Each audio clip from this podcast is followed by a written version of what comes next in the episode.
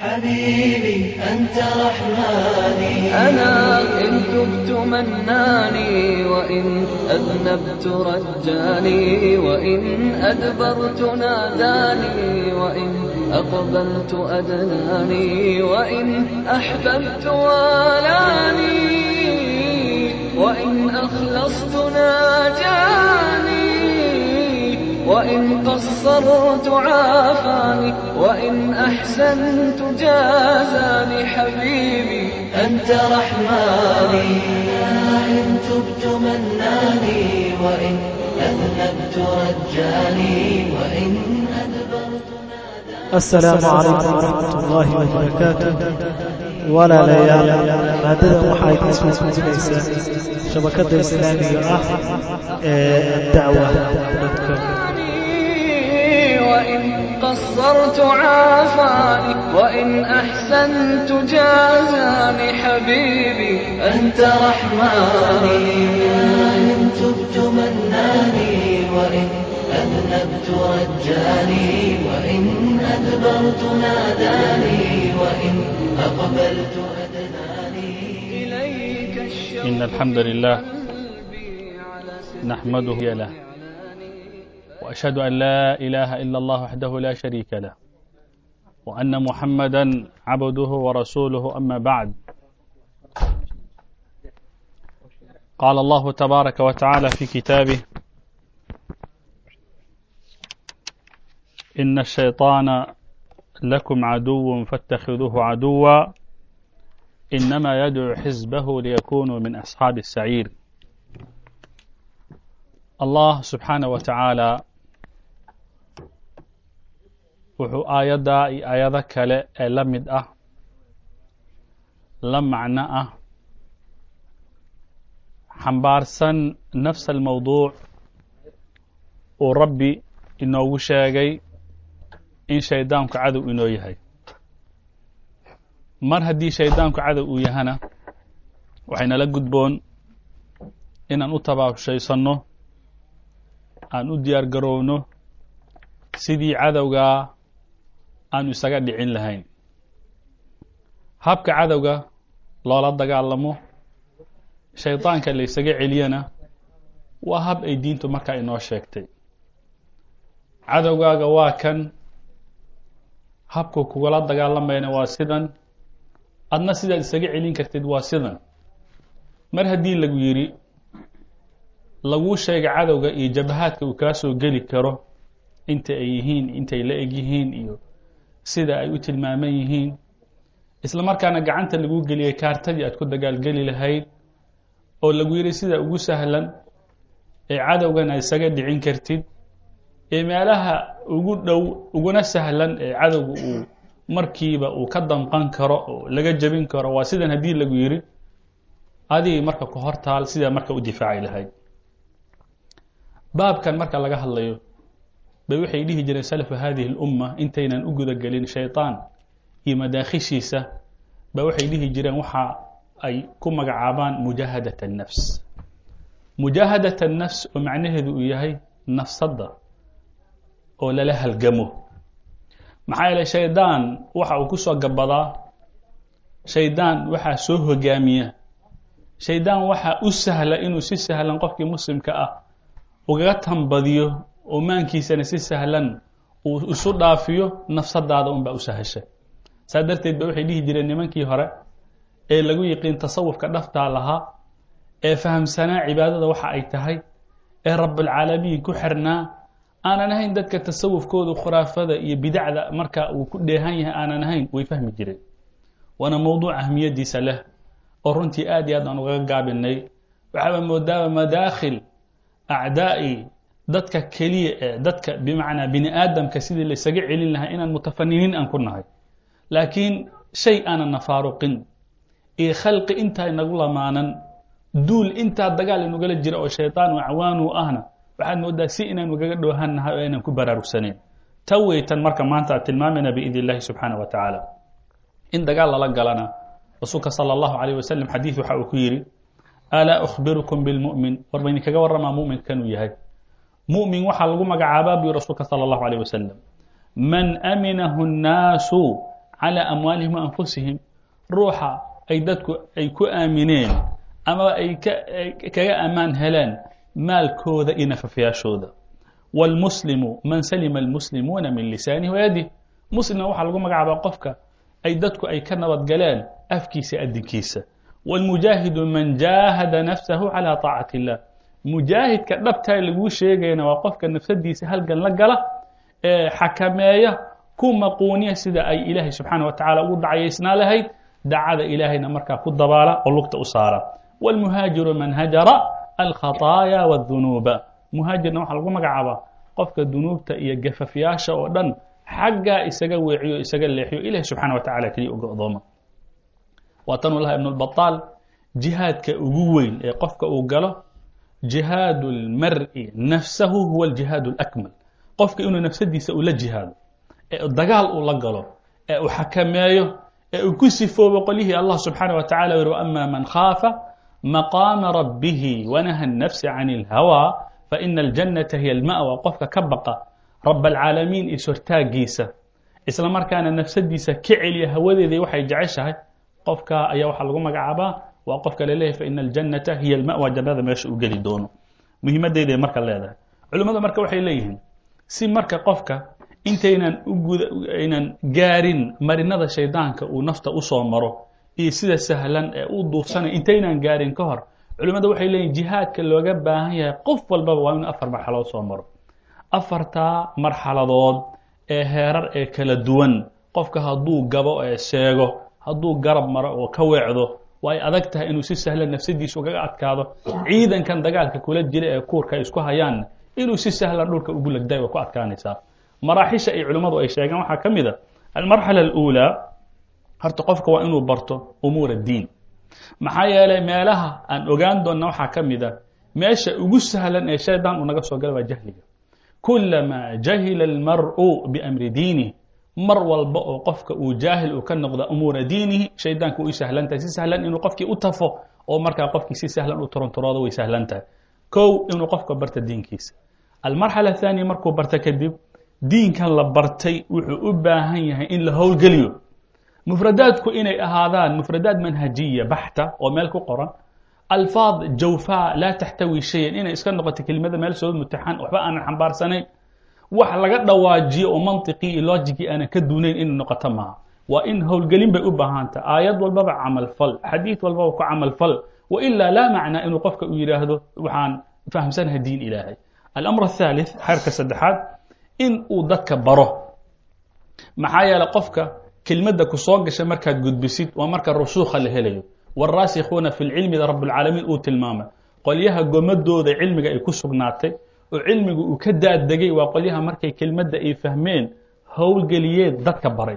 Alxaala araabica almarxala araabica waxaa loo baahan yahay dadka in diinta ilaahi loogu baaqo. Farqi baa u dhexeeya marka tacliim iyo dacwa. Tacliimtu waxay ku wajahnaan kartaa afar ruux shan ruux oo iyagu runtii si gaara u tabaabushaysan oo u go'doomay inay cilmigii taxsiiliyaan oo soo dhacsadaan.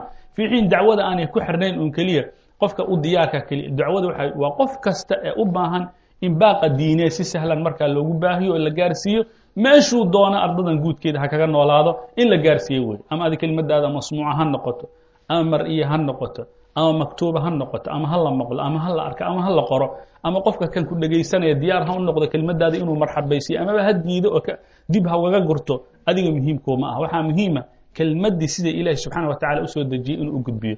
Afartaa marxaladood qofka markuu galo waa afarta marxaladood waana afarta jabhadood uu qofka uu ka dagaalami karo lana dhihi kara cadowgiisii wuu weeraray kor buu kaga yimid hoos buu kaga yimid meel kastuu kaga yimid. Sida shaydaanba u leeyahay la axtanikana duriyata meel kastaan u taagnaanaya oo waxaan kaga imanaya min waxaan kaga imanaya can yamiinihi wa can shamaa'ilihi midig iyo bidix. Meel kastaan kaga imanaya buu leeyahay. Laakiin shaydaan waxaa la sheegaa meel kasta markuu sheegay wuxuusan sheegin kor buusan sheegin baa la sheegaa.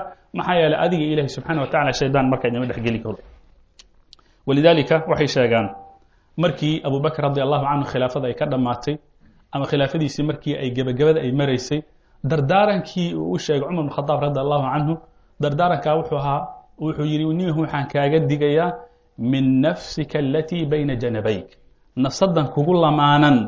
Haddaad ka awood badid yaa cumaru waxaad tahay nin jihaadkii ku guulaystay nafsadaada haddii si sahlan iyada ay noocan ma ay kugu xambaarto wax khaldan waxaad tahay qof markaa la jebiyey oo dagaalkii markaa waxba marka aanan ka soo hayn masalada marka ugu muhiimsan. Waxay leeyihiin marka ibn qayim aljawziya masalada markuu ka hadlaya wuxuu leeyahy laa yakunu alcabdu rabbaaniya ila bilmujaahada. Addoonka ilaahay ee la faray inuu gaaro darajatu rabbaaniyiin rabbaanina waxaa lagu magacaabaa qofka kulansaday cilmiga iyo camalka kulansaday darajada lama gaari karo lagumana gaari karo ila bilmujaahada. Halgan joogto ah oo kala go aanan lahayn. Dagaal joogto ah aan dib aanan u guran iyadoo meeshu markaa qof walba fronti walbaba uu taagin ka dagaalamay. Mujaahadada unbaa lagu gaari karaa. Hadalka hadal u dhigma waxaa tilmaama aburagib asbahani uu leeyahy cilmigan aan baranayno fakerku wax ka bedelaa laakiin mujaahadadan u baahanna iyadaa muquunida shahwada buu leeyahy qofka shahwadaba ilahi subxana wa tacala ku lamaanay jihaadka ay geli jireen waxaa ka mid a maruu hadlay axadu salaf wuxuu yidhi allah subxaana wa tacaala baan hortaagnaa buu yihi muddat sana hal sano ayaan salaatuleil u taagnaa buu yidhi. Sanadkaa salaatuleilka aan u taagnaa buu yidhi mirihii iiga soo baxay aan gurtay waxaan nafcistay buu yidhi mirahaas in ka badan labaatan sano. Hal sano oo ilahi subxana wa tacala u hortaagnaa oo ilahay isu bihin bihiyey isku hortuuray isku jejebiyey dhigtay markiisa ilahi subxana wa tacala u bandhigtay sanad buu intaa dadaalkaa muujiyey laakiin natiijada ka soo baxday miraha wuxuu guranayay nafcigoodana ku intifaacsanay in ka badan labaatan sano.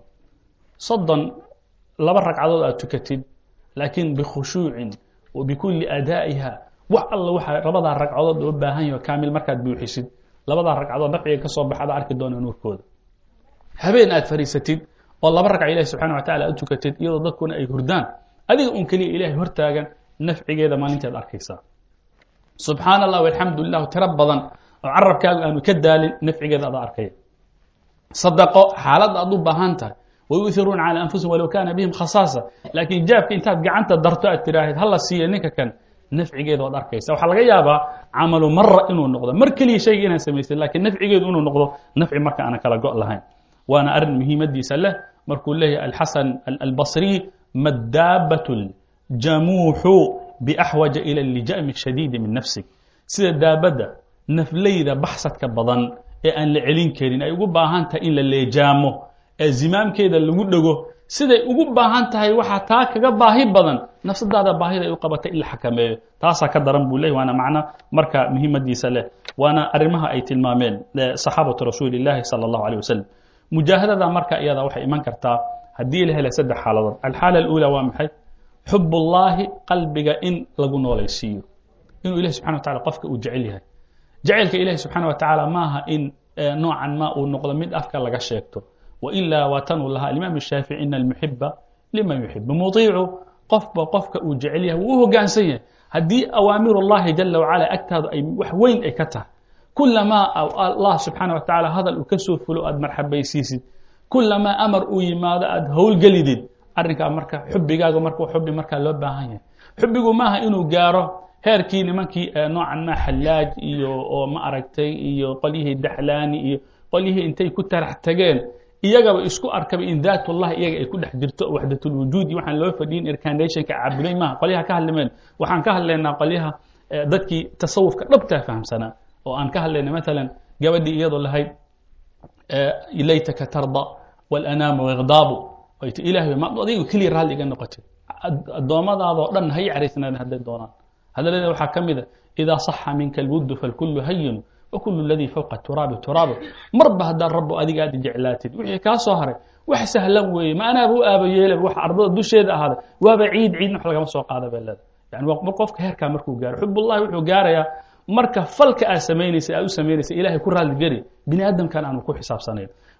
xadiidkii tirmidi wuxuu ahaa qofkii ficil sameeya isagoo u samaynaya bini aadam inuu ku raalli geliyo ilahi subxaana wa tacaala wuu caroodaa bini aadamkana way caroodaan. Qofkii fal sameeya isagoo u samaynaya inuu ilaahay ku raalli geliyo ilahayna raalli buu ka noqdaa bini aadamka raalli bay ka noqdaa. Adoo shaqaynaya haddii lagu yihahdo ma bixaysi salaada ama lagu yihahdo waa jimco waa shaqaynaysa adin khudba ay ku taagan tahay laakiin aad tiraahid allah subxaana wa tacaala urdii ilahay inaa raalli geliya ii muhiimsan gabadha muslimadoo liyira maradaada dhig oo tiri ma ilahay inaa raalli geliya ii muhiimsan war ma tukanaysa ilahay baan raalli gelina imtixaan jaamacada wuxuu doona ha noqdo. Qofka markuu soo dhaqaaqo ninkan bini aadamka markuu ku arkay inaad tahay saaxibu mabda oo diinkiisa ku dhegan uu ku arka waxay u badan tahay inuu raalli kaa noqdo ilahi subxana watala ralli buu kaa noqonaya. Laakiin markaa tiisa aad hormarisid yaqdabu rabu calayka wa khalqahu calayk. Isagana wuu kuu caroonaya khalqigana way kugu caroonayaan taana waa la arkay iyadoo malmuusa waa la arkay. Arrinka labaad wuxuu yahay ixyaau alkhawfi min allahi fi اnnafs in baqdinta ilaahay nafsadda lagu beero oo la noolaysiiyo baqdinta waxaa laga yaba inay markaa ayan joogin lakiin waxay u baahan tahay amaamud bay u baahan tahay in la ahaysiiyo in la keeno la soo xaadiriyo iyadoo meesha ayan joogin in markaa la keeno arrinka saddexaadna wuxuu yahay xubbiga kan iyo khoofkan aan tilmaamayno ma noqon karaan wax mithaali ahoo noocan ma howlgeli kara haddaan la helin quwat aliraada waalcaziima qofka go'aankiisa haddaanu yani boqol kiiba boqol shayga haddaanu kaa go-nayn. Go'aankaaga hadduusan meel ku oolin oo shayga aad ku fakertay haddaadan noocan ma aadan ku camalfalaynin marka arrinkaa arrin uu qabanayo ama wax faa'iido leh oo meesha ka soo baxaya markaa ma dabcan waa arrimaha muhiimka ah oo aan u baahanna marka inaan tilmaanno natiijadana aan ka tilmaanayna shaydaanka hadda aan ka hadlayno shaydaan waa maxaa tahay? Shaydaan dad baa waxay u fahamsan yihiin jaraa-inta dhacaysa ayaa shaydaan lagu magacaabaa. Qaar baa waxay u fahamsan yihiin shaydaan wax wujuuda oo xaqiiqiya oo reality leh laakiin wax la sheeg sheego. Qaar baa waxay u fahamsan yihiin kulamaa qofka falxun uu sameey in isaga shaydaan lagu magacaabo. Laakiin xaqiiqdu waxay tahay shayaadiintu inay jinka ka mid yihiin waataan aaminsannahay oo markaa nusuustana marka ay ku dareysatay allah subxaana wa tacaalana qur'aanka waxa uu ku sheegay ina shayطaana lakum caduwun faاtakhiduuhu caduwan aayadahaas aad bay u badan yihiin. Shaydaanka war cadow buu idin yahay. Idinkuna cadow ka dhigta. Waa meesha keliya qur'aanka aan ku hayno uu rabulcaalamiin leeyahy hebel waa cadowgaaga. Adigana cadow ka dhigo. Meesha keliya lagu hayo qof lagugu dirayo o laleeyahy war iska celi. Qur'aanka meesha keliya aan ku hayno waa intaa un keliya waadna ogaan doontaa maxaa cadow loo yidhi? Haddaad in yar u kuhurgashid ahdaafta shaydaanka uu leeyahay qur'aanka oo dhan markaad aqrid iyo nusuusta kama baxsana shan hadaf kama baxsana. Aayad walba haddaad aqridid yool yoolka uu shaydaanka u ganayo iyo hadafka uu tiigsanaya shaydaan uuna rabo qof kasta ee aadamiya inuu ku xambaaro amaba uu aakhirka uu biyo shubto shan arrimood kama baxsana. Aayaadka ilahi markaad aqrid xadiidu rasul lah sal lla alay slam hadafka wada shaydaan uu leeyahy wuxuu yahay inuu qofka halmaansiiyo xaqa ilaahay iyo xuska ilaahay. Hadafka ugu horreeya shaydaan hor yaal waa maxay inuu ku halmaansiiyo xuska ilaahay iyo xaqa ilaahay watana qur-aanka uu leh wamaa ansaaniihu ila shayطaanu an adkura istaxwada calayhim الshayطaanu faansaahum dikr allah qolyaha waxaa ka awood badiyey oo ka gaalib noqday shayطaanoo kadibna wuxuu halmaansiiyey ilahi subxana wa tacala xuskiisa marka waxay leeyihin culimmada halmaan fara badan qofka isku arka shaydaan baa ku lamaana halmaan fara badan qofka markuu isku arko shaydaan baa ku lamaana walidalika dadka dadka jinka ku tufi jiray markay arkaan dadka halmaanka badan waxay dhihi jireen qur'aanka ha loo badiyo. Dabcan waxaan dhowr jeer sheegay wadaad ay dhihi jireen doctor cali mushrif oo almadina munawara mashhuur ka ah oo dadka qur'aanka ku aqriya. Nin baa wuxuu ka sheegtay wuxuu yidhi maalmahan oo dhan halmaan badan baan isku arkay meelaan ka bilaaba ma laha. Wax kasta waan halmaamaya kadib maalin maalmaha ka mida qof xanuunsan buu kaxeeyey oo meesha aaday. Meesha markuu aaday albaabka markuu ka galaa sheekhii markuu kor ka arkay suu u soo socdo isagu ceega ku boobay marka dhulkuu la galo qur'aan aqris buu ninkan indhuhu marka inta isku qabtay afka wuxuu ka keenay ma aragti waxaan caadi ahayn. Hunaa waxay leeyihiin kulamaa uu shaydaanku walidaalika arag dadka meeshan meelahan degan iyo dadka africa degan isagoo ka fakeraya shilankiisa ka fakeraya cuntadu cuni lahaa xabado inta ay ku socdaan xusuustiisa boqol kiiba boqol way buuxdaa. Maalintaad tiraahid bisha toddobadeedan boqol dollar soo diray telefoonka uu soo taagay ma daahayo xitaa. Adna waxaa laga yaabaa in waxa hadda laguu sheego meesha a kaga tegtidba buug xataa haddaad ku qartid buugaad ku qartaad weynaysaa maxaa keena? Maxaa dhul waxaan joognaa shayaadiintu ku badan taho. Afar labaatanka sacmaankeena markaa ma joogo marka quluxiyada aqriskeeda hala badiyo iyo maaragtay aayad kursiga taa waa hadafka ugu horeya hadafka labaad wuxuu yahay shaydaanku wuxuu isku dayaa inuu isku diro bayna alibni wa abiih wiil iyo walad inuu isku diro nin iyo naagti inuu isku diro laba ruuxo xigaala inuu isku diro dadka xigtada inuu ka dhex shaqeeyo walidaalika jaraa-imta maanta ay ay tilmaamaan qolyaha sociologiga markay dib u kacaan oo la baaro jaraa-imta ugu badan ee dhacdaa waxay ka dhex dhacdaa dadka xigtada ay ka dhex dhacdaa. Walidaalika shaydaan kulamaa jariimadu ay tahay mid khatarsan kulamaa uu shaydaanku raqbad gaara marka u leeyahay iyadan waxay ka mid tahay meelaha shaydaanku marka uu ka shaqeeyo. Arrinka kale ee saddexaad ee shaydaan uu ka shaqeeyo wuxuu yahay inuu murug iyo baqdin qalbigeena uu geliyo. Haddaad isku aragtid murug fara badan welwel fara badan haddaad isku aragtid aad degi weydid haddaad isku aragtid baqdin fara badan oo caadi aanan ahayn oo akthar min aluzuum ah oo intii loogu talagay intaanan ahayn shaydaan baa jira meesha. Shaydaankuna jinku ka mid yahay. Walidaalika u fiirso xusniga fara badan ninka meeshan degan iyo ninka africa degan isku mid maaha. Ninkan ada waxaa ka samaysay ayan jirin oo muslim maantana weji buu leeyahay berina weji buu leeyahay. Isagoo ku garab baraya arkaysaa subax markuu soo kaco marmar qaarkiis waxaa arkaysaa adoo moodiya wax lagaa samey lahayn wejigaagu bedelan yahay. Adoo caraysan baa arkaysa waxa laga markii la gaaro duhurkii markii la gaaro inaad caadi noqotid baa laga yaabaa. Habeen guriga markaad tagtid adoon wejigaaga la fiirin karin baa guriga gelaysaa markaa ka soo bixis waxa laga inaad faraxsan tahay. Islaantiyo waxaad ka samaysa aanan lahayn oo furka tuurataad arkaysa bataatiga basashi iyo ka xanaaqaysa waxaan macno lahayn. Nin waxaa arkaysa waddada maray xusnigaa fara badan maxaa dhul jinka ku badan yahaad joogtaa saa darteed allah subxana wa tacala markuu ka hadlay wuxuu liyaxzuna aladiina aamanuu walaysa bidaarihim shay'a inama najwa min ashayطaan shaydaan bay ka timi shaydaanna wax kale maaha liyaxzuna aladiina aamanuu qiro kalena waxay liyuxzina aladiina aamanuu liyaxzuna aladiina inay murugoodaan liyuxzina inuu murug ku abuuro aladiina aamanuu ujeedadiis waa intaa marka murug fara badan qofka markuu isku arkay welwel waxaan loo baahnayn waxaana loo baahnayn ba qofku wuxuu ka dhigay case aad iyo aad u weyn walidaalika arag dadka meelahan jooga mushkilad yar ma xambaari karaan markii wuxuu ku leeyahy adoo la hadlay african waxaa arkaysaa nin baa miis fadhiyo toban qof baa la hadlaysa tobankuu u jawaabaya. Toban problem baa loo keenaya waa wada xalinaya wuu socdaa. Waa nin ad adag duruuf fara badanna waa haysataa inta ku habsan inta markuu joogo wuxuu kale in yar in sug. Wuu kala halmaamaya inuu qoraa laga yaabaa mushkilad yarna ma xambaari kara. Maxaa yeelay ardo wuxuu jooga aanan caadi ahayn. Wahunaa marka waa meesha loo baahan in adkaartu marka aad aad u badato. Baqdintana waxaa ka mid qof baa waxaa arkaysaa yacni dad waxaa intaasoo jarna loo keena lagu leeyahay hebla ama hebel wuxuu ka baqaya inuu dhinto. Mowt waxaa la gelinaya meelaha psychiatriga qur'aan baa lagu aqrinaya maanta dhan. Murug fara badan iyo baqdin fara badan baa jirta. Taana haddaad isku aragto walidalika waxaa arkaya nin weyn oo ilahi subxana wa tacala awooddaa siiyey mugdi meel mugdi aanan mari karin baa arkaysaa. Waagii horena meel kastuu ka bixi jiray. Ninna kaaruu saaran wuu baqaya wuxuu ku leeyahy ama meel kale caadi ahayn. Xataa waxaa laga yaabaa baqdintu say u socoto u socoto amana la maqlaa amana la dhegaysanaya inta kabaraa ku jirta waa la isdaba taagan yahay waxaan waa meelaha shaydaanka uu ka faa'iidaysto. Qaal allah subxana wa tacala qur'anka wuxuu ku leey inamaa dalikum ashayطaanu yukhawifu awliyahu falaa takhaafuun shaydaanku marka aadaadka u adeegsado waxaa ka mid inuu baqdin maantana kugu beero waxaan caadi yani waxaa laga yaabaa meeshan markaa ka tagtid maxaa kamerada u diiday meelaha kale aad tagtid meel walba wuxuu ku le waa lagu jiraa jaakaduhu baaraya meel kasuu baaraya rogagana laga baaro masjidkan caadi maaha meeshan waa lasku xataa islaantaada lagu adeegsan karaa buu ku leeyahay islaantii waxa laga yaba inuu ka shakisan yahay haadihi waxay ka mid tahay wa ahdaafu shaytaan uu marka adeegsado waxyaaba shaydaanka adeegsada waxaa ka mid a hadafkiisa waxaa ka mid haddana inuu qofka gaalaysiiyo yacni waxaad arkaysaa adnaa qadiya oo min almusallamaat walbadihiyaat ah oo fi waxyaabaha ugu sahlan. Waxa laga inuu shaki kaa galo. Maxaa xadiidka rasuulka sal alla alay wuxuu yidhi shaydaanku su'aaluu ku weydiinaya su'aalihiisa waxaa ka mid wuxuu ku leeyahay ardada yaa abuura allah samada yaa abuura allah man khalaqak adigaa ku abuura allah allah yaa abuuray. Hadduu qofku meesha uu gaaro ha yidhaahdo falyastacid billahi min ashaytaan rajiim. Ilahay magan meesha ha istaago meel loo socdaayo ma laha albaabka meesha ha istaag bu rasuulka sal alla alay waatana qur'anku le id qaala lilinsaani kfur falama kafar qaala inii barii'u mink ujeeddada u socda waa maxay? Gaalow inuu ku yidhaahdo.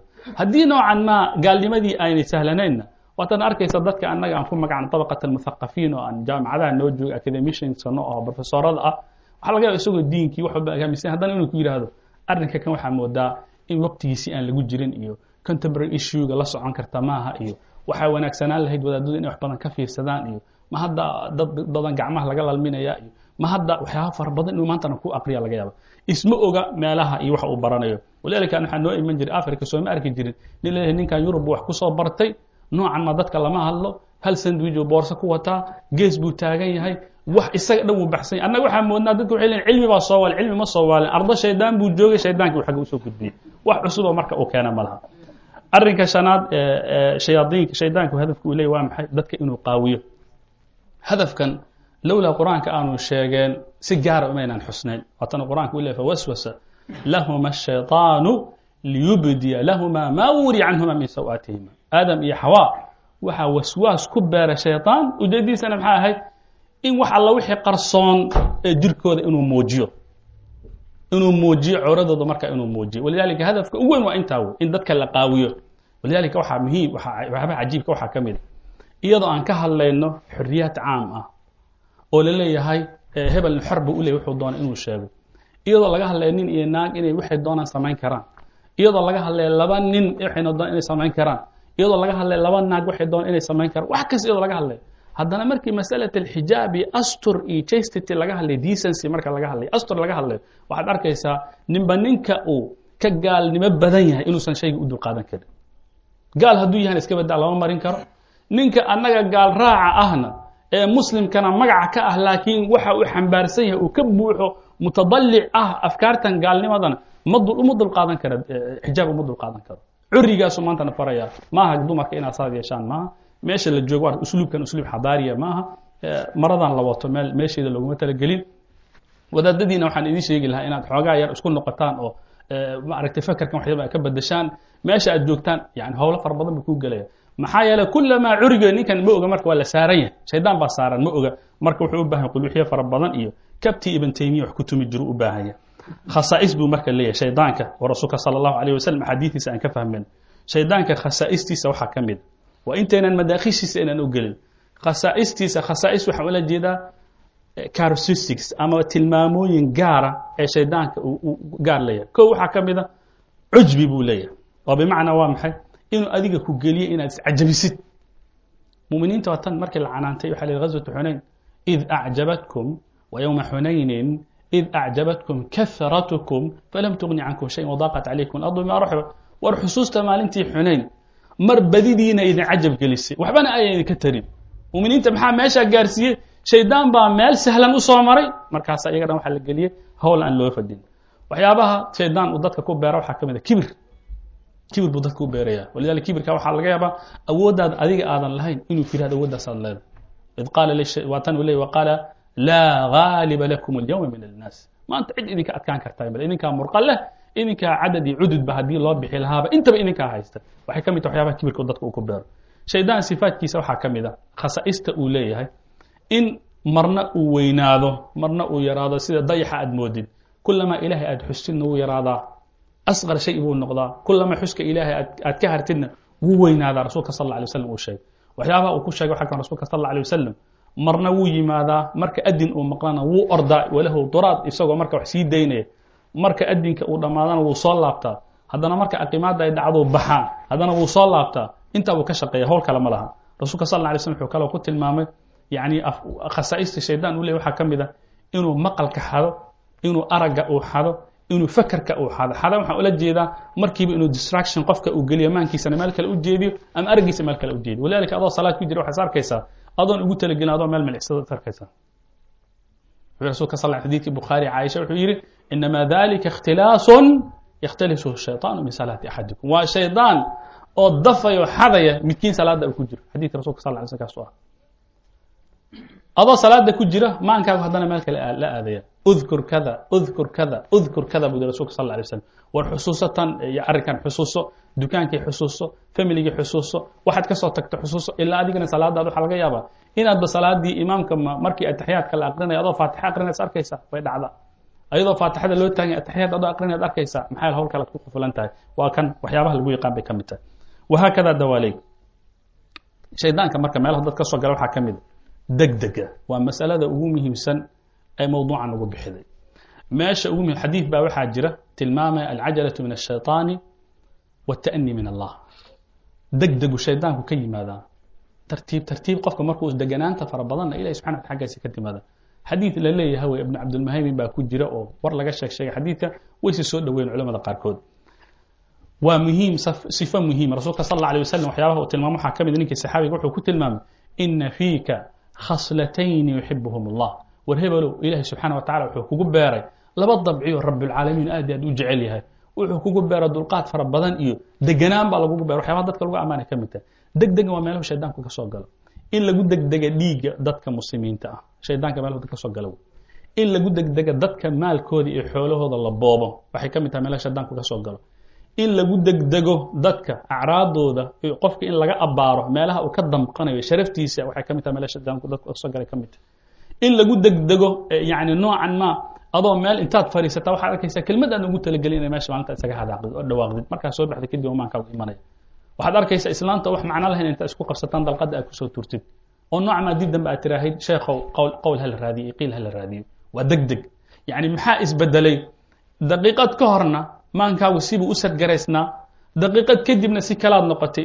Adig heblo aad furtay waa hebladii waxaad ku furtay waxa laga weli inay meesha taagan yihiin. Maxaa keenay inaad hadda markaba isbedeshid maxaa shaydaan baa makuxdooday walidaalika rasuulka sal alla alay wasalam wuxuu diray hadda ka hor alwaliid bin cuqba. Alwaliid bin cuqba waxaa la yidhi reer bani mustaliq ha ka soo qaado zakawaadkii iyo amwaashii ay bixin lahaayeen. Waliid bin mualiq ibn cuqba oo socda ayaa meeshii markuu tegey reer bani mustaliq waxay arkeen alwaliid bin cuqba oo soo socda nin saxaabiyo meesha ka yimid. Markiiba farxad darteed bay meeshii ay deganaan intay ka soo baxeen bay waxay u soo baxeen magaalada duleedkeeda iyagoo raba inay meesha si aad iyo aad u qurux badan u soo dhaweeyaan u marxabaysiyaan. Alwaliid bin mustaliq markiiba shaydaan baa dhagaha wax kaga afuufay oo wuxuu iska dhaadhiciyey dadkan soo socda waxay u yimid in adig ku dilaan. Isagoo aanan hubsan buu markiiba dib intuu u kala firayey buu rasulka sal ly slm ribood khaldan siiyey. Wuxu yhi ya rasuul allah reer bani mustaliq way gaaloobeen maanta kadibna tallaabaha laga qaado. Lakiin rasul maxamed sala allahu alayh wasalam deg degaa laguma ogeyn. Markiiba wuxuu yidhi waa arrinka wuxuu u baahan yahay in baaris fara badan buu u baahan yahay. Khaalid bin waliid oo ciidan watuu diro wuxuu yidhi baxa oo meesha aada. Warkan la soo sheegay alwaliid bin cuqba wuxuu u baahan yahay in si buuxda oo noocan loo fahmo inuu sax yahay inaanu saxayn bal ka dabagala. Wuu soo baxay oo soo baxay marka khalid bin waliid. Khalid bin markuu meesha u yimid magaalada duleedkeeda uu soo istaagay dhowr nin oo raggii markaa ugu firfircoonaa buu magacaabay wuxuu yidhi hoos u daadaga oo si intelligency ahaan oo wargurbin ahaan oo hab sireed ahaan buu wuxuu yidhi baxo nimankan war igaga keen. Kadib markay meesha u soo degeen bay waxay arkeen dadkii oo tukanaya oo soomaya yacni oo salaadooda wato la adimaya arkeen. Kadib bay waxay yidhahdeen yaa khaalid dadkan waa dad muslimiina maa zaaluu mutamasikiina bilislaami wa diintii islaamiga ahayd oo shalay ay yidhaahdeen muslimiin baan nahay af ay qaateen weli way ku dhegan yihiin way tukanayaan hadalkaa markii la kadib buu khaalid bin waliid soo kala leexday uu soo uu soo wareegsaday rasuulka sal alay waslam buu u yimi marka arrinkii uu sheegay. Marka waxaa soo degay yaa ayuha aladiina aamanuu in jaa'akum faasiqa binaba fatabayanuu mu'miniine haddii nin faasiqi war idinla yimaado iska hubiya intaydan dad waxba waxba aan galabsan oo waxba aanan geysan intaad khalad ka geli lahaydeen war iska hubsada waa tan hunaa marka haddii rasuul axmed sala allahu alay wasalam aanu arrinkaa aanu hubsadeen haddii khaalid waliidna aanu hubsadeen haddii arrinka sidaa aanan loo jilciyan way sahlanaan lahayd dadka muslimiinta meesha jooga dhiigooda in la daadiyo hunaa fima yatacallaqu biاdimaa wax alla wixii dhiigga la xiriira shaydaanku waa meesha ugu sahlan qofka markuu qorayga uu tuuro dadkuna meesha ay ku wada li'daan. Ba waxa laga yaaba inuu yidhahdo si khalada ayaa dad loo xasuuqay. Si khalada ayaa dad loo dilay. Inta ka horraysa in laga fiirsado. Wey usaama ibnu zayd markii uu baxay waatay dagaal ay galeen kadib dagaalkii way ka adkaadeen qolyihii ay dagaalka kula jireen. Isagay nin ansaariya soo haray. Waxay eryadeen nin baxsaday bay eryadeen ninkii bay dul yimideen. Marka dib ninku markuu arkay in gacanta lagu dhigay wuxuu yidhi laa ilaha illa allah laa ilaha illa markuu yidhi kadib kii ansaariga dib buu u gartay wuxuu yidhi nin laa ilaha illahu yidhi. Meel aan u raaca ma leh meeshaas u istaagay. Markiiba usaama ibn zayd baa wuxuu yidhi markiiba intuu waranka qaatay buu dhex daray. Kadib uu dhintay ninkii rasuulka sala allah alay slm baa khabarkii soo gaaray markaasuu ya usaama maxaad hadalka waxaa u samaysay. Wuxuu ya rasuul allah ninkan markuu kelimatu laa ilaha illah uu lahaa wax kale uma dhihin. Wuxuu rabay un dilka inuu ka badbaado. Markaasuu yidhi ashaqaqta? Ma qalbigiisaad dilaaciday oo aad ogaata waxa qalbigiisa ku jiro. Yaa usaama sideed u dishay oo nafsadaada ay kuu siisay qof laa ilaha illahu leh. Maxaad waxa suuqa u dishay? Ya markaasuu yidhi usaama ibnu zayd maa zaala yukariruhaa rasuulka sala allah alay kelimadii buu soo celceliyey soo celceliyey ilaa ana iska yidhi laytak maxaa maalinta u islaami weyy maxaa masalata dimaa marka laga hadlayo shaydaanku meelaha dadku ka soo gala way dhiigga marka laga hadlayo in deg deg uma baahan in lagu degdega maha waana arrin marka mancidigeeda leh degdega iyadoo la diiday waxaa dhacday nin lagu magacaabo suhayl ibni camr wuxuu ahaa nin gaala laakiin wuxuu ahaa nin aftahan ah khudbada iyo hadalka sheegi og nin wuxuu ahaa khatiib mufawah nin dadka u khudbadeeyo oo khudbada kelimadda haleeli og buu ahaa. Aad iyo aad markaa lebeq u ah. Oo hadalka aad aad u yaqiin. Kadib ninkan wuxuu nafta u keenay muslimiintu nafta u keenay. Wuxuu bilaabay inuu mushrikiinta gubaabiyo oo muslimiinta ku soo diro. Nin sahlanna maaha yani nooca ma qofka haddii uu khatiibna uu yahay mufawahan uu hadalkan uu sheegi ogya waxa laga yaabaa. Kelmaddu rasulka sal xadidka uu yihi ina min albayaani la sixran. Hadalka oo la cadayn qofka uu cadayn yani aad iyo aad u caddeeyo sixirkay ka mid tahay qofka kelmadda markii imaankiisay doorinaysaa markaasuu yidhi yaa rasuul allah idan lii buu yidhi. Fasax baan ku weydiisanayaa. Ninkan suhayla leeyahay labadiisa dhoolood inaan saara io ogolo buu yidhi. Suusan dib damba u khudbadayn ila nin labadan ay ka maqan yihiin ta'da iyo fa'da iyo fa'da iyo kulli makhaarijta o dhan ba isaga darsamaysa. Io ogolo buu rasul sal ly rasulka sal lay slm wuxu yhi ya cumar iska tartiibsa buu yidhi. Lacallahaa tasuruka yowma ma waxaa laga yaabaa ilgahan maanta ah ku kacsan tahay maalinu inay ku farax geliyaan. Iska sug. Waxaa dhacday sannadkii sideeda markii la gaariy yom fatxu maka suhayl dadki islaamu ka mid aha ilahi subxana wata islam buu ku arsuqay rasulka sal ly slm markuu geeriyooday obasigii ama riddadii ay badatay oo dad fara badan oo muslimiinta ka mid islaamka carabta ka mid a islaamka isaga laabteen. Dhowr magaalo mooyaane maka iyo madiine iyo meelo mooyaane. Dad fara badan islamka markay ka gurteen. Wuxuu aha ninka intay istaaga meelaha khutab la istaagay oo dadka ku guubaabiya islaamka. Dad fara badan baa ilahi subxana wa tacala sabab ugaga dhigay inay islaamka ku soo noqdaan oo islaamkooda qabsadaan waa labadii dhoolood oo shalay u dhaaranayay cumar bn khadaab uu lahaa maanta aan siisiiba biinsa inta u qaato rasuulka sal alay waslam lahaa maya ka joog. Lacallaha tasuruka yowma maanta waqtigeeda la gaara rasuulka sala allahu alay wasalam waxyaabaha uu xeerinayo isu wax u miisaami wax sahlan ma mas'alat alcajala deg deg markuu yimaado deg degna waxaa lagu yaqaanaa badanaa dabcan qofka wax badan aanan ka fiirsan sidiisana doorna ma dhalo. Waana muhiim qofka inuu ka fiirsado kelimadda marka uu leeyahay ama falka uu qaadayo waxayna ka mid tahay madaakhil shayطaan meelaha shaydaanku ka soo galay ka mid tahay walciyaadu billah shaydaanka wasaaishu adeegsada waxaa ka mid haddana alistifzaaz. Qofka inuu fiijiyo bay dhihi jireen wastabziz man istaطacta minhum bisawtik. Ku dhaqdhaqaaji markuu qofka muusiiq uu maqlo. Waxa laga ninka ugu khayrka badan cala aqal inuu isagoo madaxa ruxayo inuu is arko ama lugta ruxay inuu is arko. Watan allah subxana wa tacala man istaطacta minhum bisawtik. Qofkaad doontid ku fiijiso ku dhaqdhaqaaji sawtkaaga waxay ka mid tahay waxyaabaha u adeegsaday ka mid. Shaydaanka waxyaabaha u adeegsada waxaa ka mid almushaaraka shaydaanka waa nin aanan u baahnayn in la marti qaado isaga ismarti qaadaya yani waa deef bidaraja اlأulى v i b uma baahna inay tira tafadal tira maxaa ilahi subxana isagaa yidhi washaarikhum fi اlamwaali wاlأwlaad wacidhum waxaad la wadaagtaa maalkooda iyo awlaadooda walidalika qofka hadduusan dhihin allahuma janibna shayطaana wajanib shayطaana maa razaqtana markuu ahalkiisa aadaya shaydaan geeskiisu hawshiisa ka wataa haddii cuntada markaad cunaysa aadan dhihin bismi اllahi aadan dhihin geeskiisu ka cunaya haddii wax kasta oo ku soo gala haddaadan bisinka aadan u washaariku fi اlamwaali wاlawlaad haddii shaqada keligii lagu aamini waayo uu ku guulaysan waayo inuu adiga shaqadii kaa leexiyo geeskiisu ka qabanaya diyaar wuxuu u yahay inuu shariik noqdo kambanigaas inuu ku soo biiro wuxuuna inuusan seegin taasaa u muhiima arrinka kale oo shaydaanka uu caado uu leeyay waxaa ka mid a wax lagu magacaabo dabcan in uu mala aanan wanaagsanayn qalbigaaga marka uu soo geliyo. Waxaa laga yaabaa dadku iyagoo mu'miniin ay yihiin waxay iska geysteen iyo godob iyo dakane ay kala galeen ayaan jirin aanu jirin. In waxaa laga yaaba mala yani jam conclusion inaad conclusion madaxaaga inaad istiraahid hebel laba maalmood buu masjidkan soo gelay uu dhaafayay. Ninkan waxaa laga yaaba howlo kala haysato waxaan sheegaynaa ku qufulan waa iska mashquulsan yahay. Adna markiiba aad tiraahid wax kaloo damacsan maxaa saa la ii fiiriyey iyo hadalkaa marka lahaa dad kalea loola jeeday iyo hadalkaa markuu wadaadka sheegaya guruub buu radinaya ma arkaysay howlahan o dhan waxay ka mid taha waxyaabaha yurub keliya lagu haya dadka xagga jooga kelmaddaa doonta haddaad sheegta allahu akbar bay kuleeyihin ku camirayaan mushkilad ma leh. Laakiin wax wax kala qaadqaada iyo wax kelmadda meel kale u sii wadwado oo wax kala buunbuuniyo dadkeenan meesha jooga waa jinkaanaan ugu badan qulwixiyo fara badan u baahan. Marka ilqaau suu suu dhanniga waa tan waxyaabaha la diido diintuna ay diido. Waswaas fara badan. Walidalika allah subxana wa tacala qur'anka wuxuu ku sheegay waa tan min shari maxaa laga nabad galay? Alwaswaasi alkhannaas kan waswaasiya. Alkhannaas ee liblibdhooga gabashada badan. Shaydaanku marka waxay leeyihiin isagoo sidii ilaahay u khalqay oo mutaxaan hortaada ma arkaysid wuu kuu muuqanaya wuu kaa baxaya wa ilaa shaydaanka haddii min daqiiqada ugu horeysa ilaa daqiiqada dambe hadduu ku hortaagna waxa laga in adiga khalqal ku galo. Maankaaga ma joogo. Laakiin mar wax ku gelinaya waa kaa baxaya.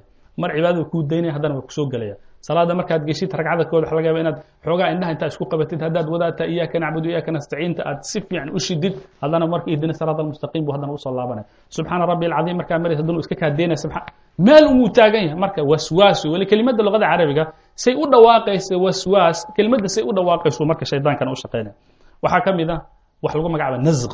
Ay culimmadu dhihi jireen inuu ku xodxodiyo shak yar buu kugu beeraya oo meesha aanan jirin. Walidalika allah markuu ka hadlaya suurat alacraaf wuxuu yidhi إن الذين اتقوا إذا مسهم طائف من الشيطان تذكروا فإذا مبصرون وإخوانهم يمدونهم في الغي ثم لا يقصرون. dadka mu'miniinta waxaa lagu yaqaan shaydaan haaday waxay haabaya hadduu saa un u taabto hadal aanan jirin qalbigooda uu ku soo rido markiiba way isqabtaan waxay leeyihiin tadakaruu ilahi subxana wa tacala u laabtaan way xusuustaan faidaa hum mubsiruun markaasu indhaha u kala baxaan laakiin qalyaha kale ee walaalahood soo maha ee shayaadiintana la xiriira yamuduunahum filgayi shaydaanka ku tarax tago oo marka miirkooda ma joogo waa tan ayadu macnahaas marka ay tilmaantay nasqigaana wuu jiraa faidaa waa tan allah aad uu leeyahay nasq min ashayطaan hadduu kugu yimaado fastacid billah waa tan leeyahay shaydaanka waxyaabaha uu sameeya waxaa ka mid a atazyiin wuxuu kuu qurxiya camalka xun wazayana lahum الshayطaan acmaala fasadahum can sabiil shaydaan baa wuxuu u qurxiyey camalkay samaynayan waddaduu ka leexiyey walidaalika waxay dhahaan ficil walba ee qofka uu sameeyo crime walbaba jariimo walba ee dhacda jariimada inay jariimo tahay aad bay u foolxunta. Waa bashica inta uusan qofka samayn shayga way la qorxan yahay. Qofka inaad dishid way kula qorxantay marka ugu horreysa markuu dilka u dhaco kadib qofkii waxaa arkaysa isagoo madaxa gidaarka madaxa ku haya dhulka ku haya. Waxaad arkaysaa zinada inta ugu horreysa qofka lama celin karo. Wuu boodboodayaa lama celin karo. Qofkii zinada ula samayn lahaa caadima zinada markay ka dhacday kadib waxaa arkaysa isagoo madaxa haysta noocan ma dhicidda oo kale xaditaanka oo kale. Qofka marka maalku u qurxan yahay markay dhacaan kadib uu shayga la xumaanay wazayana lahu. Shayga kan fi inta aanan ficilkan aadan samayn bay zinadu fool xumay dilku fool xuma daraagisku ay fool xumaayeen waxa kan markii way fool xumaayeen laakiin maxaa qurxiyey? Shaydaan baa qurxiyey. Shaydaan baa qurxiyey. Wazayana lahum ashaytaan acmaalahum. Wuxuu yidhi sheekh cabdiqaadir jilaani kitaab uu leeyahay lwanya ka magacaabo oo shaydaanka iyo kaga hadlaya wuxuu leeyahay shaydaanka awlaad buu leeyahay magacyo kala duwanna uu ku sheegay midka howlahan u qaabilsan tarab baa lagu magacaaba bir waxyaabaha qurxiyaa islaana waxba ahayn oo meel maraysa ayuu marna dhabarka ka fuulaa bule marna xabadka ka fuulaa si iyadoo dhan wax kale uu kaaga dhiga buu yidhi waxay ka mid tahay waxyaabaha uu sheegay sheekha waxyaabaha uu shaydaanka uu ka shaqeeya waxaa ka mid a addafci ila aljidaal dood aan loo fadhiin inuu qofka marka uu geliyo طبعا مداخيشان ugu tegi doonaa بإذن الله سبحانه وتعالى aayadda qur-aanka walaa تتبعوا خطوات الشhayطان aayadda waxay ahayd wardadow ha raacraacina tallaabooyinka shaydaan uu idiin jeexayo iyo waddooyinka uu marayo warlugihiin ha saarin ayadoo tan ahayd. Khudawaadka qur'aanka uu sheegay haddaad dib ugu laabatid. Khudawaadkaas kama badna toddobo ilaa iyo sideed bay culamadu ku sheegaan. Khudawaadka qur'aanka uu sheega toddoba ilaa sideed ma dhaafaan. Saddex tallaabana waa intaadan ficilka aadan samayn saddex tallaabana ficilka intaad ku guda jirtid tallaab ama laba tallaabana marka hawsha aad dhamaytid wey. Khuطuwaadka shaydaanka uu sameyo intaa kow camal baad rabtaa inaad gudatid. Shaydaanka ugu horreyn wuxuu kugu isku dayayaa inuu horta caajiskaa geliyo salaada in yar kadib bal xoogaa fadhiiso. Caajis ma kici kartid. Caajiska waa soo dhaafta noocma biyaad isku shubta waa soo istaagtay. Markaas tiraha istaag bu haddana sarfi buu samaynaya waa kaa leexinaya. Hawl kale oo aan kuu olin buu madaxa ku gelinaya nin martiya oo aan u socon ama hawl kale adiga madaxa gelaysa ama telefon baa ku soo dhacay. Taa haddaad ku guulaysan waayo haddana taswiif buu ku leeyahay. Waayahay waqtiguu dheer yahay. Salaatuleilka waxaa la tukan karaa ilaa iyo intaasaa la tukan karaa wadaadadu waa tanay sheegi jireen. Ee sunnada haddii xataa ay kaa tagto qabla alfajri bacda alfajri baad tukan kartaa. Adigu taswiif buu samaynaya taswiif waa maxay? Dib u dhigo. Saddexdaa tallaabo hadduu ku guulaysan waayo wuxuu baroosimaha dhiganayaa wuu kugu sugayaa asbaaradiis waxay taalaa fi atnaa'i alcamal. Marka camalka guda jirta camalka markaa guda jiran saddex arrimood buu sameeyaa. Kow midka ugu horreysa waa maxay? Camalkii adoo ku guda jira oo bilaabay buu wuxuu isku dayayaa adoo half way maraya oo aadan dhamayn inaad ka tegtid wayna dhacdaa qur'aan baa la soo kala baxaysaa gees baa fadhiisanaysaa waxaad arkaysaa jus adoo ay kuu qararan tahay beyj markaa maraysid muxuu ma inaad mobilka inaad ku falaadido hawl kale aad geshid.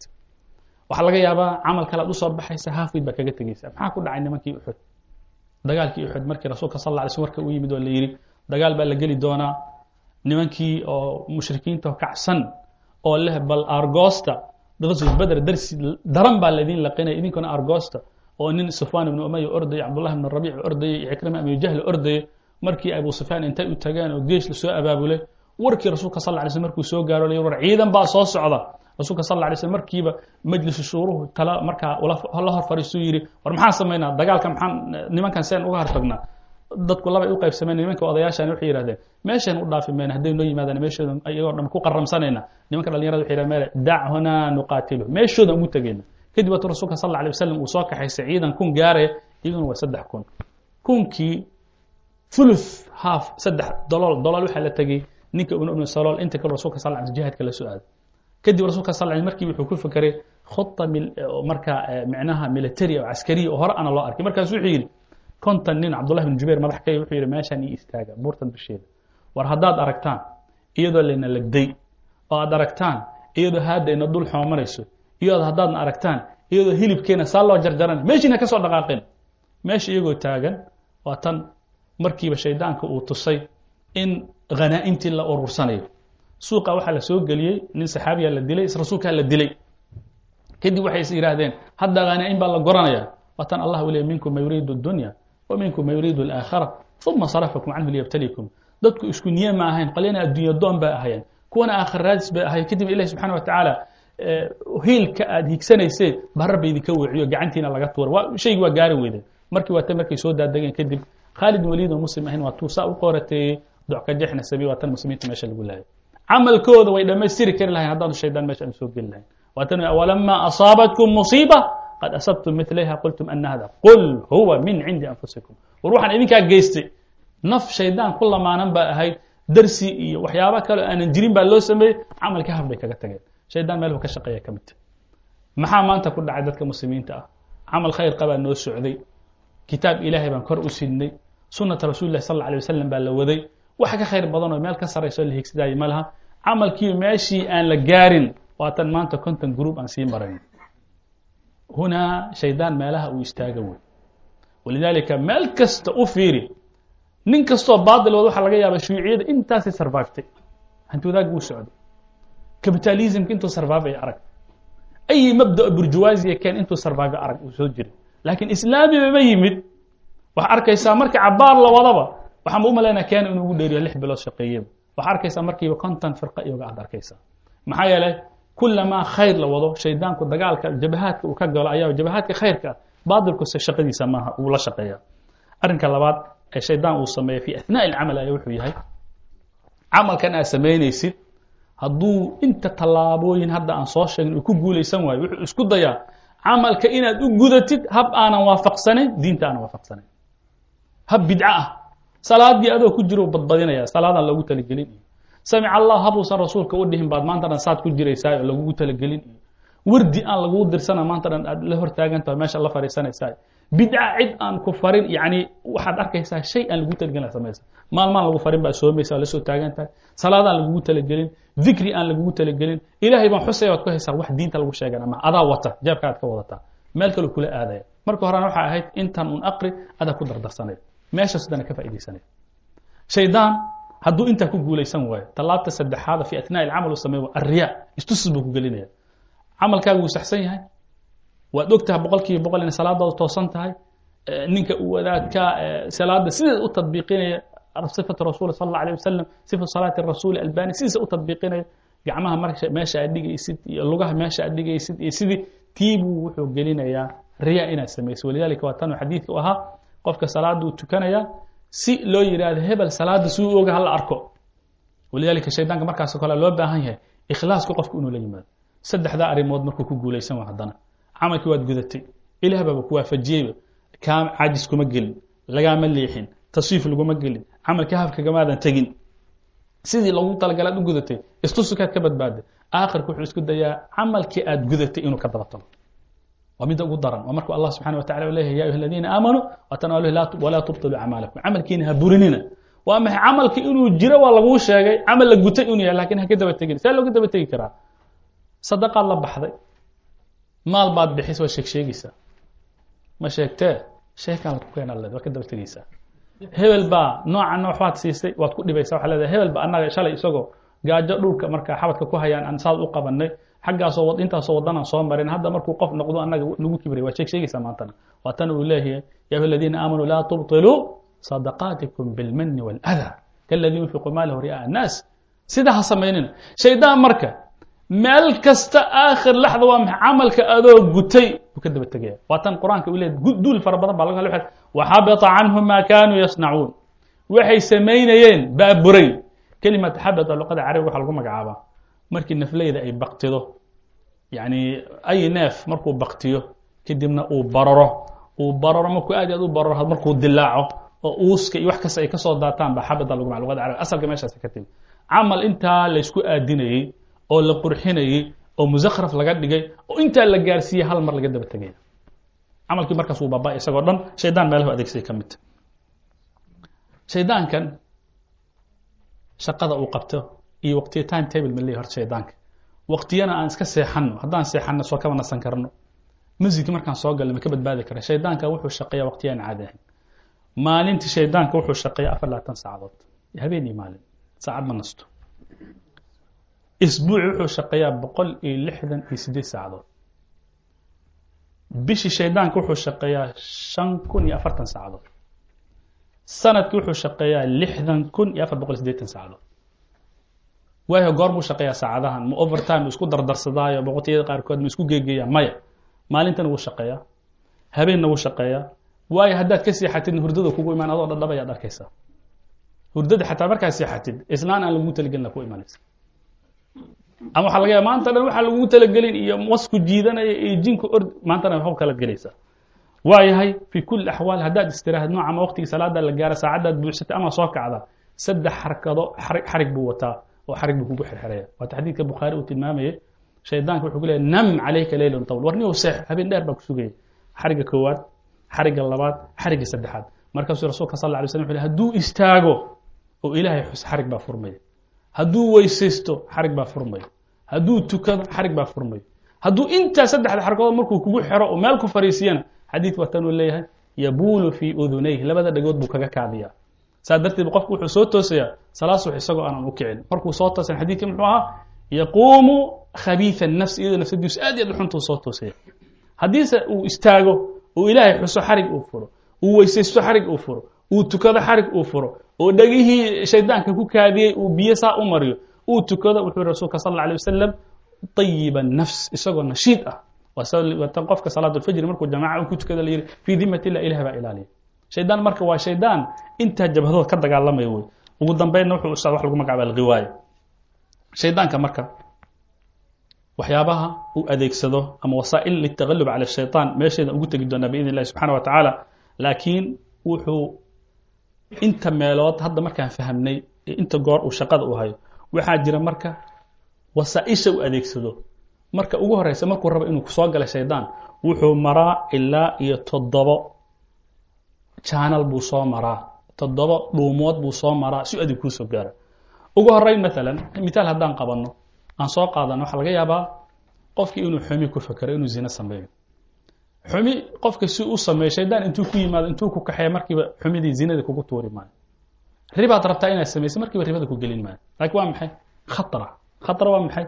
Waa shay cross mind ma maankaaga ku soo dhacaysaa. Ka waran haddii meeshaas la muraajaceey waa su'aasha ugu horeysa khadradii way sii soconaysaa waxay noqonaysaa fikra. Fikr bayba noqonaysaa. Masale aad maalintiiba aad niqaashtid ood rogrogtid. Talaabta saddexaad way sii soconaysaa wuxuu noqonaya cazm. Go'aan bay kaa noqonaysaa. In ribada aad qaadatid bangiga aad tegtid maya waxay noqonaysaa zinada sooma islaanta waa inaad ka daba tegtid cazmi wey. Way sii soconaysaa hadan xuna ham. Murug bayba kugu noqonaysaa. Haddaadan oofin waxaa is leedahay? Shaygan aadan gudan ribadan bangigan berri haddaadan meesha failka formkan aadan buuxin amaba wadankan lagu yihahda ka bax ama ilmaha kubriyada hoostooda kuu seexdaan iyo bridgeka la seexda haw hami ba kugu noqonaya ama tira hadaad zinadan aadan gelin hami ba kugu noqonaya markii tallaabta afraad la marayo falkii baa imanaya marka. Waa salafku say u ratibeen ficilkaa samaynaysaa ficilku waa maxay? Ninka waxaad arkaysaa soo qaatay gaarigii soo qaatay ama gurigii soo qaatay ama zinadii ku dhacay. Intaa markuu marayo falka markuu sameeyo waa shan tallaabood qofka caqliga badan inuu meesha ku istaaga laga yaaba haddana waxay noqonaysaa caadi noqonaysaa guri baa soo qaadatay berina waxaad ku darsataa baabuurkii. Baabuur baa soo qaatay doon baan u baahana soomaaliya laga sheegay doon baan u baahana hadda. Oo riba ah way bannaan tahay bay kuleyihin maxaa meeshaan wadankan in lala qabsado muwaatana loo baahanya nooca maa zinadii maantuu sameeyey berriba mid kale la raadiyay mid kale sharka hore waxay ahayd mid quruxdeedii cajabisa keliya u muuqatay. Yani taasa u muuqatay. Laakiin waxay noqonaysaa mid walba inuu ku jarribo wuxuu marayaa tallaabtii lixaad buu maraya shayga markuu caado u noqdo kadib haddana waxaa imanaya fusuuq xumida qofka markuu sameeyo fisqi buu gaaraya. Darajat alfisqa markuu qofka uu gaaro. Mawduuci maba bilaabina five minutes baa bale madaakishi maanaa hadla. Darajat alfisqi buu gaaraya. Fisqi waa maxay? Inuu ka baxo daacada ilaahay. Waa fisqi aakhirka haddana wuxuu gaarayaa markuu faasiq uu noqdo inuu xaqaba la dagaalamo. Waa maxay?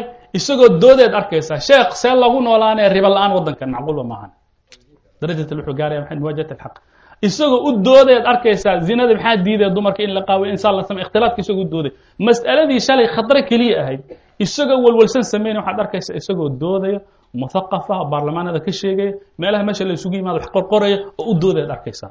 Toddobada arrimood wey toddobada arrimood marka uu sameynay. Ee fal iska yimaada haakada ma jiro.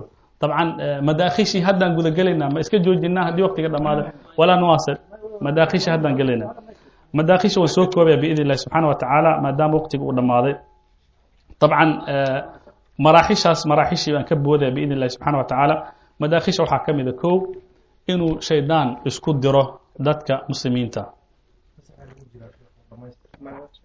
xadiidka rasul la sal alla alيه wasalam ee muslim uu weriye wuxuu ahaa ina ibliisa xadiid kale wuxuu ina shayطaan qad ya'isa an yacbudahu الصaalixuun wuu ka quustay inay dadka saalixiinta caabudaan. Macquul maha maanta inay grub intay soo baxaan yidhahdaan shaydaan baan caabudayna ilah ka dhiganayna macquul maha walaakin yascaa baynahum fi اtaxriish xadiidku waa kaa laakiin isku dirdiro way u sahlantay.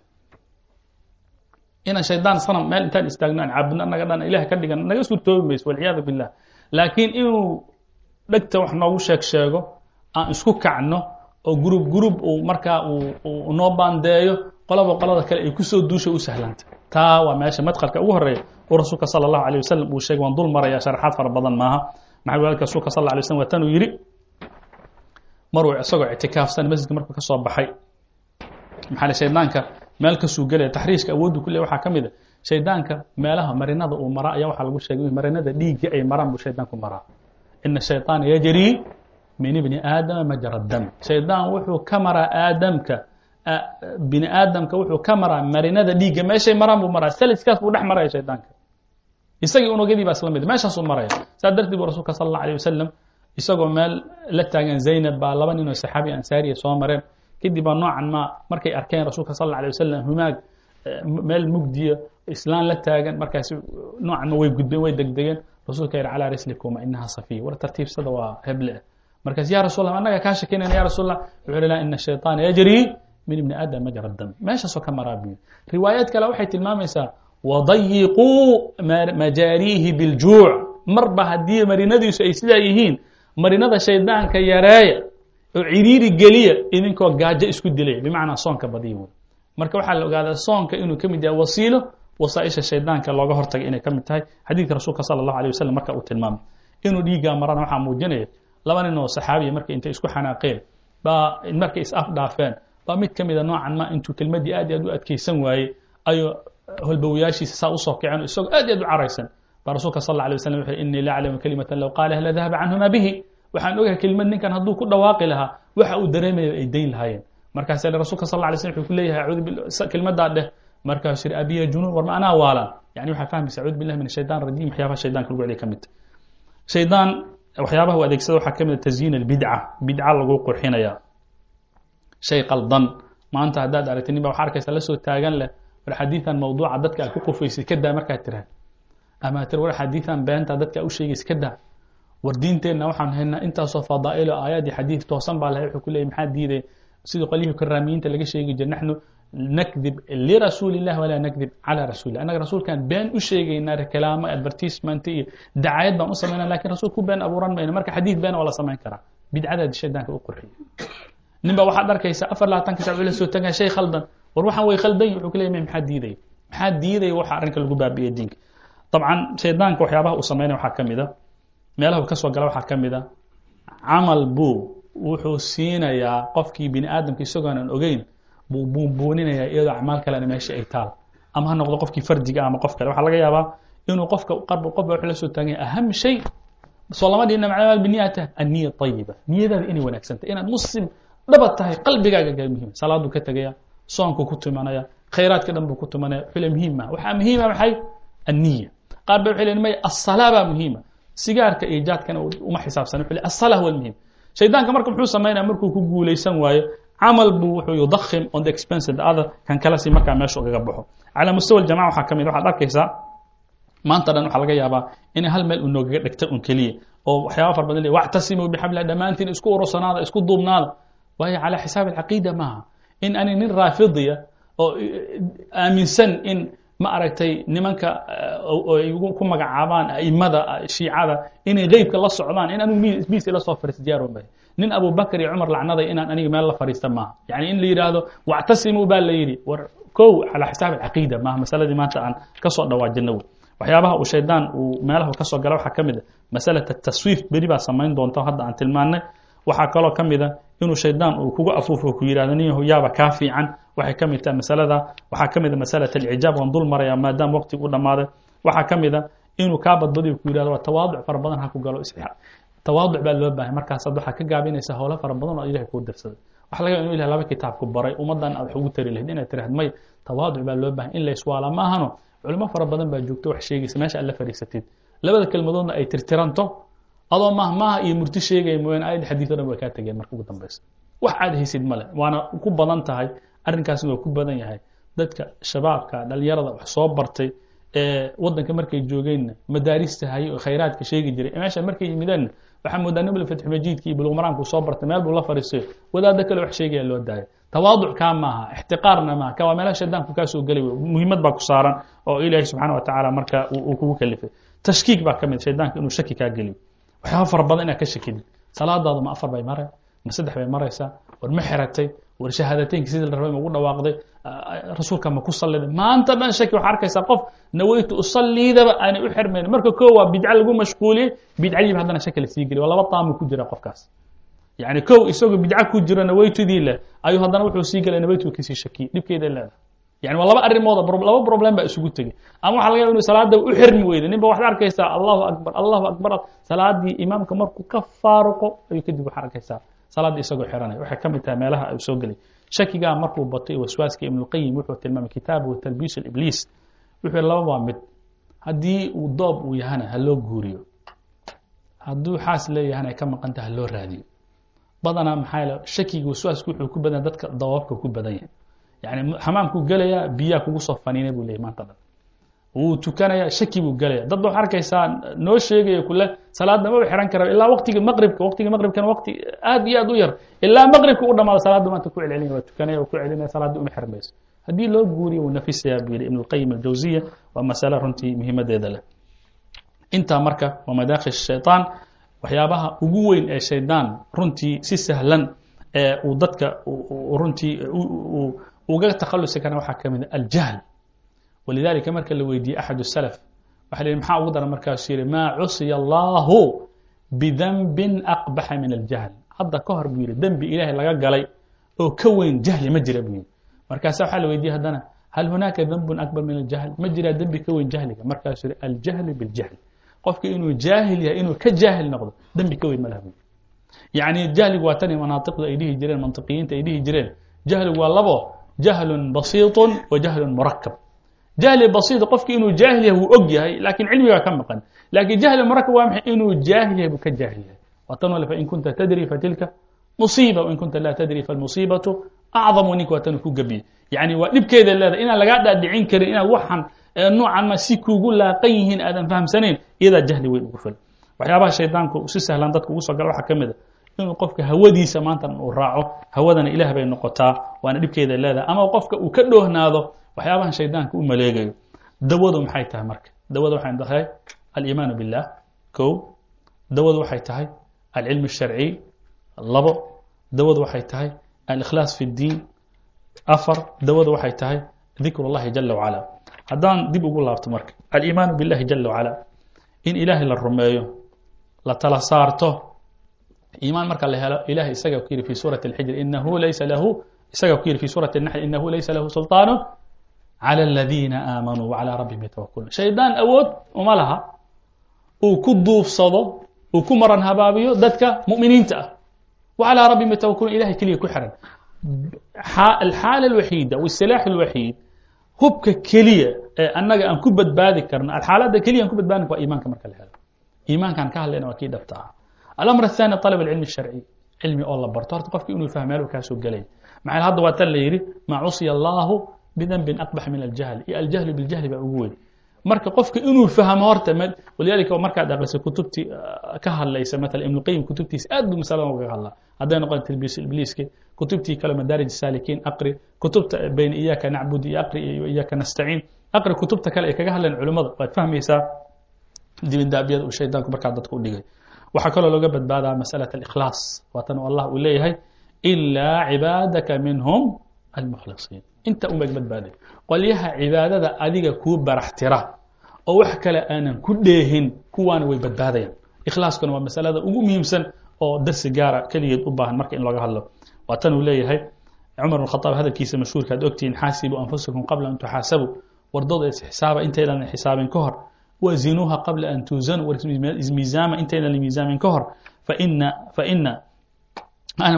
fainahu ahwanu calaykum hadan fainahu ahwana calaykum fi xisaabi qadan an tuxaasibu anfusakum alyowm maantaa idiin fudud buu yidhi intaan beri aan la gaarin marka masalada ugu muhiimsan waa taa dikrullah ilahay subxana wa tacala oo la xuso xuska ilaahay iyadoo dagaal lagu jiro ayaa waxaa ilahay xus idaa laqiimtu fi'atan fahbutu wadkuru llaha kaiira dagaal baa lagu jiraa iyadoo leeyahay salaada musaafirka la gaabiyey musaafir haddaad tahay oo leeyahay noocan ma oo la yihi qofku wuu afuri karaa aya waxa ilahi subxana wa taala xus.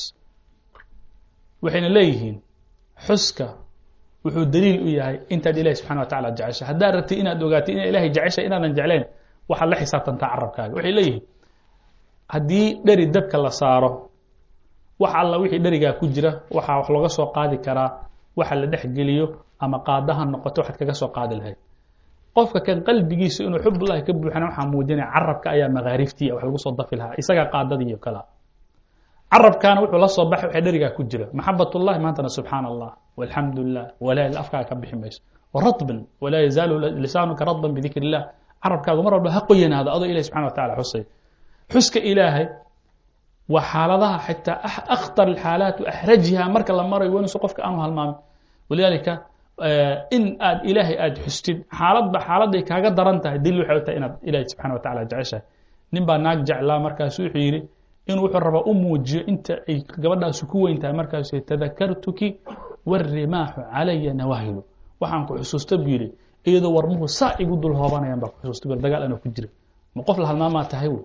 Allah subxaana wa tacaala xaaladda xun markaa maraysa markay mushkilada ku hayso markuu faqriga ku hayo markii noocan maa xaalad aad xanuunsan tahay markii aad iyo aad aad u mashquulsan tahay markii overtimekaagu aad iyo aad u badan yahay markii noocan maa bashaakilku u badan yahay xuska ilahina ka tegtid ma xitaa salaada salaat alkhoof baa la diiday iyadoo dagaal lagu jiro cadowga ku eryanaya ha ka tegin baa lagu yidhi waxyaabaha looga badbaadi kara waxaa ka mid a shaydaanka dikr اllahi jala wacala iyo alisticaada billahi min ashayطan الrajim xadiidkii hadda wuxuu ahaa inii la acrifu kalimatan low qaalaha la dahaba canhu ma yajid hadda waxaan ogahay kelimad hadduu ku dhawaaqi lahaa waxa uu dareemayo o dhan marka way ka baabi'i lahaayeen waana muhiimadeeda leed waxay kaloo haddana yirahan waxa looga badbaadaa suxbat الصaalixiin dadka wanaagsan inaad raasatid maxaa yeelay xadiidki wuxuu ahaa alwaaxid shayطaan nin keligii socda waa shayطaan oo musaafir wاlاثnaani shayطaanaan laba haddaad aragtidna waa shayaطiin wاrakbu waa tan uu leeyahay wa aلثalaaثaةu rag buu yidhi saddex hadday wada socdaanna gruub musaafiriina lagu magacaabi karaa wayad ullahi maca jamaca ilahay gacantiisana waxa ay la jirtaa qolyaha meel ku urursan oo wada socda waman shada shada fi الnaar qofkii gaar u baxana naartuu ku fogaaday inamaa yaأkul الذi'bu alqaasiyata min الغanam iyaduna waxay abaarataa un keliya ariga kiisa fogo xaynta ka fogaaday iyo meeshay ku urursan tahay iyada in la raadsado dadka ahlu khayrkaana daruuriyaadka ka mid taha wailaa huna wabiاllahi الtowfiiq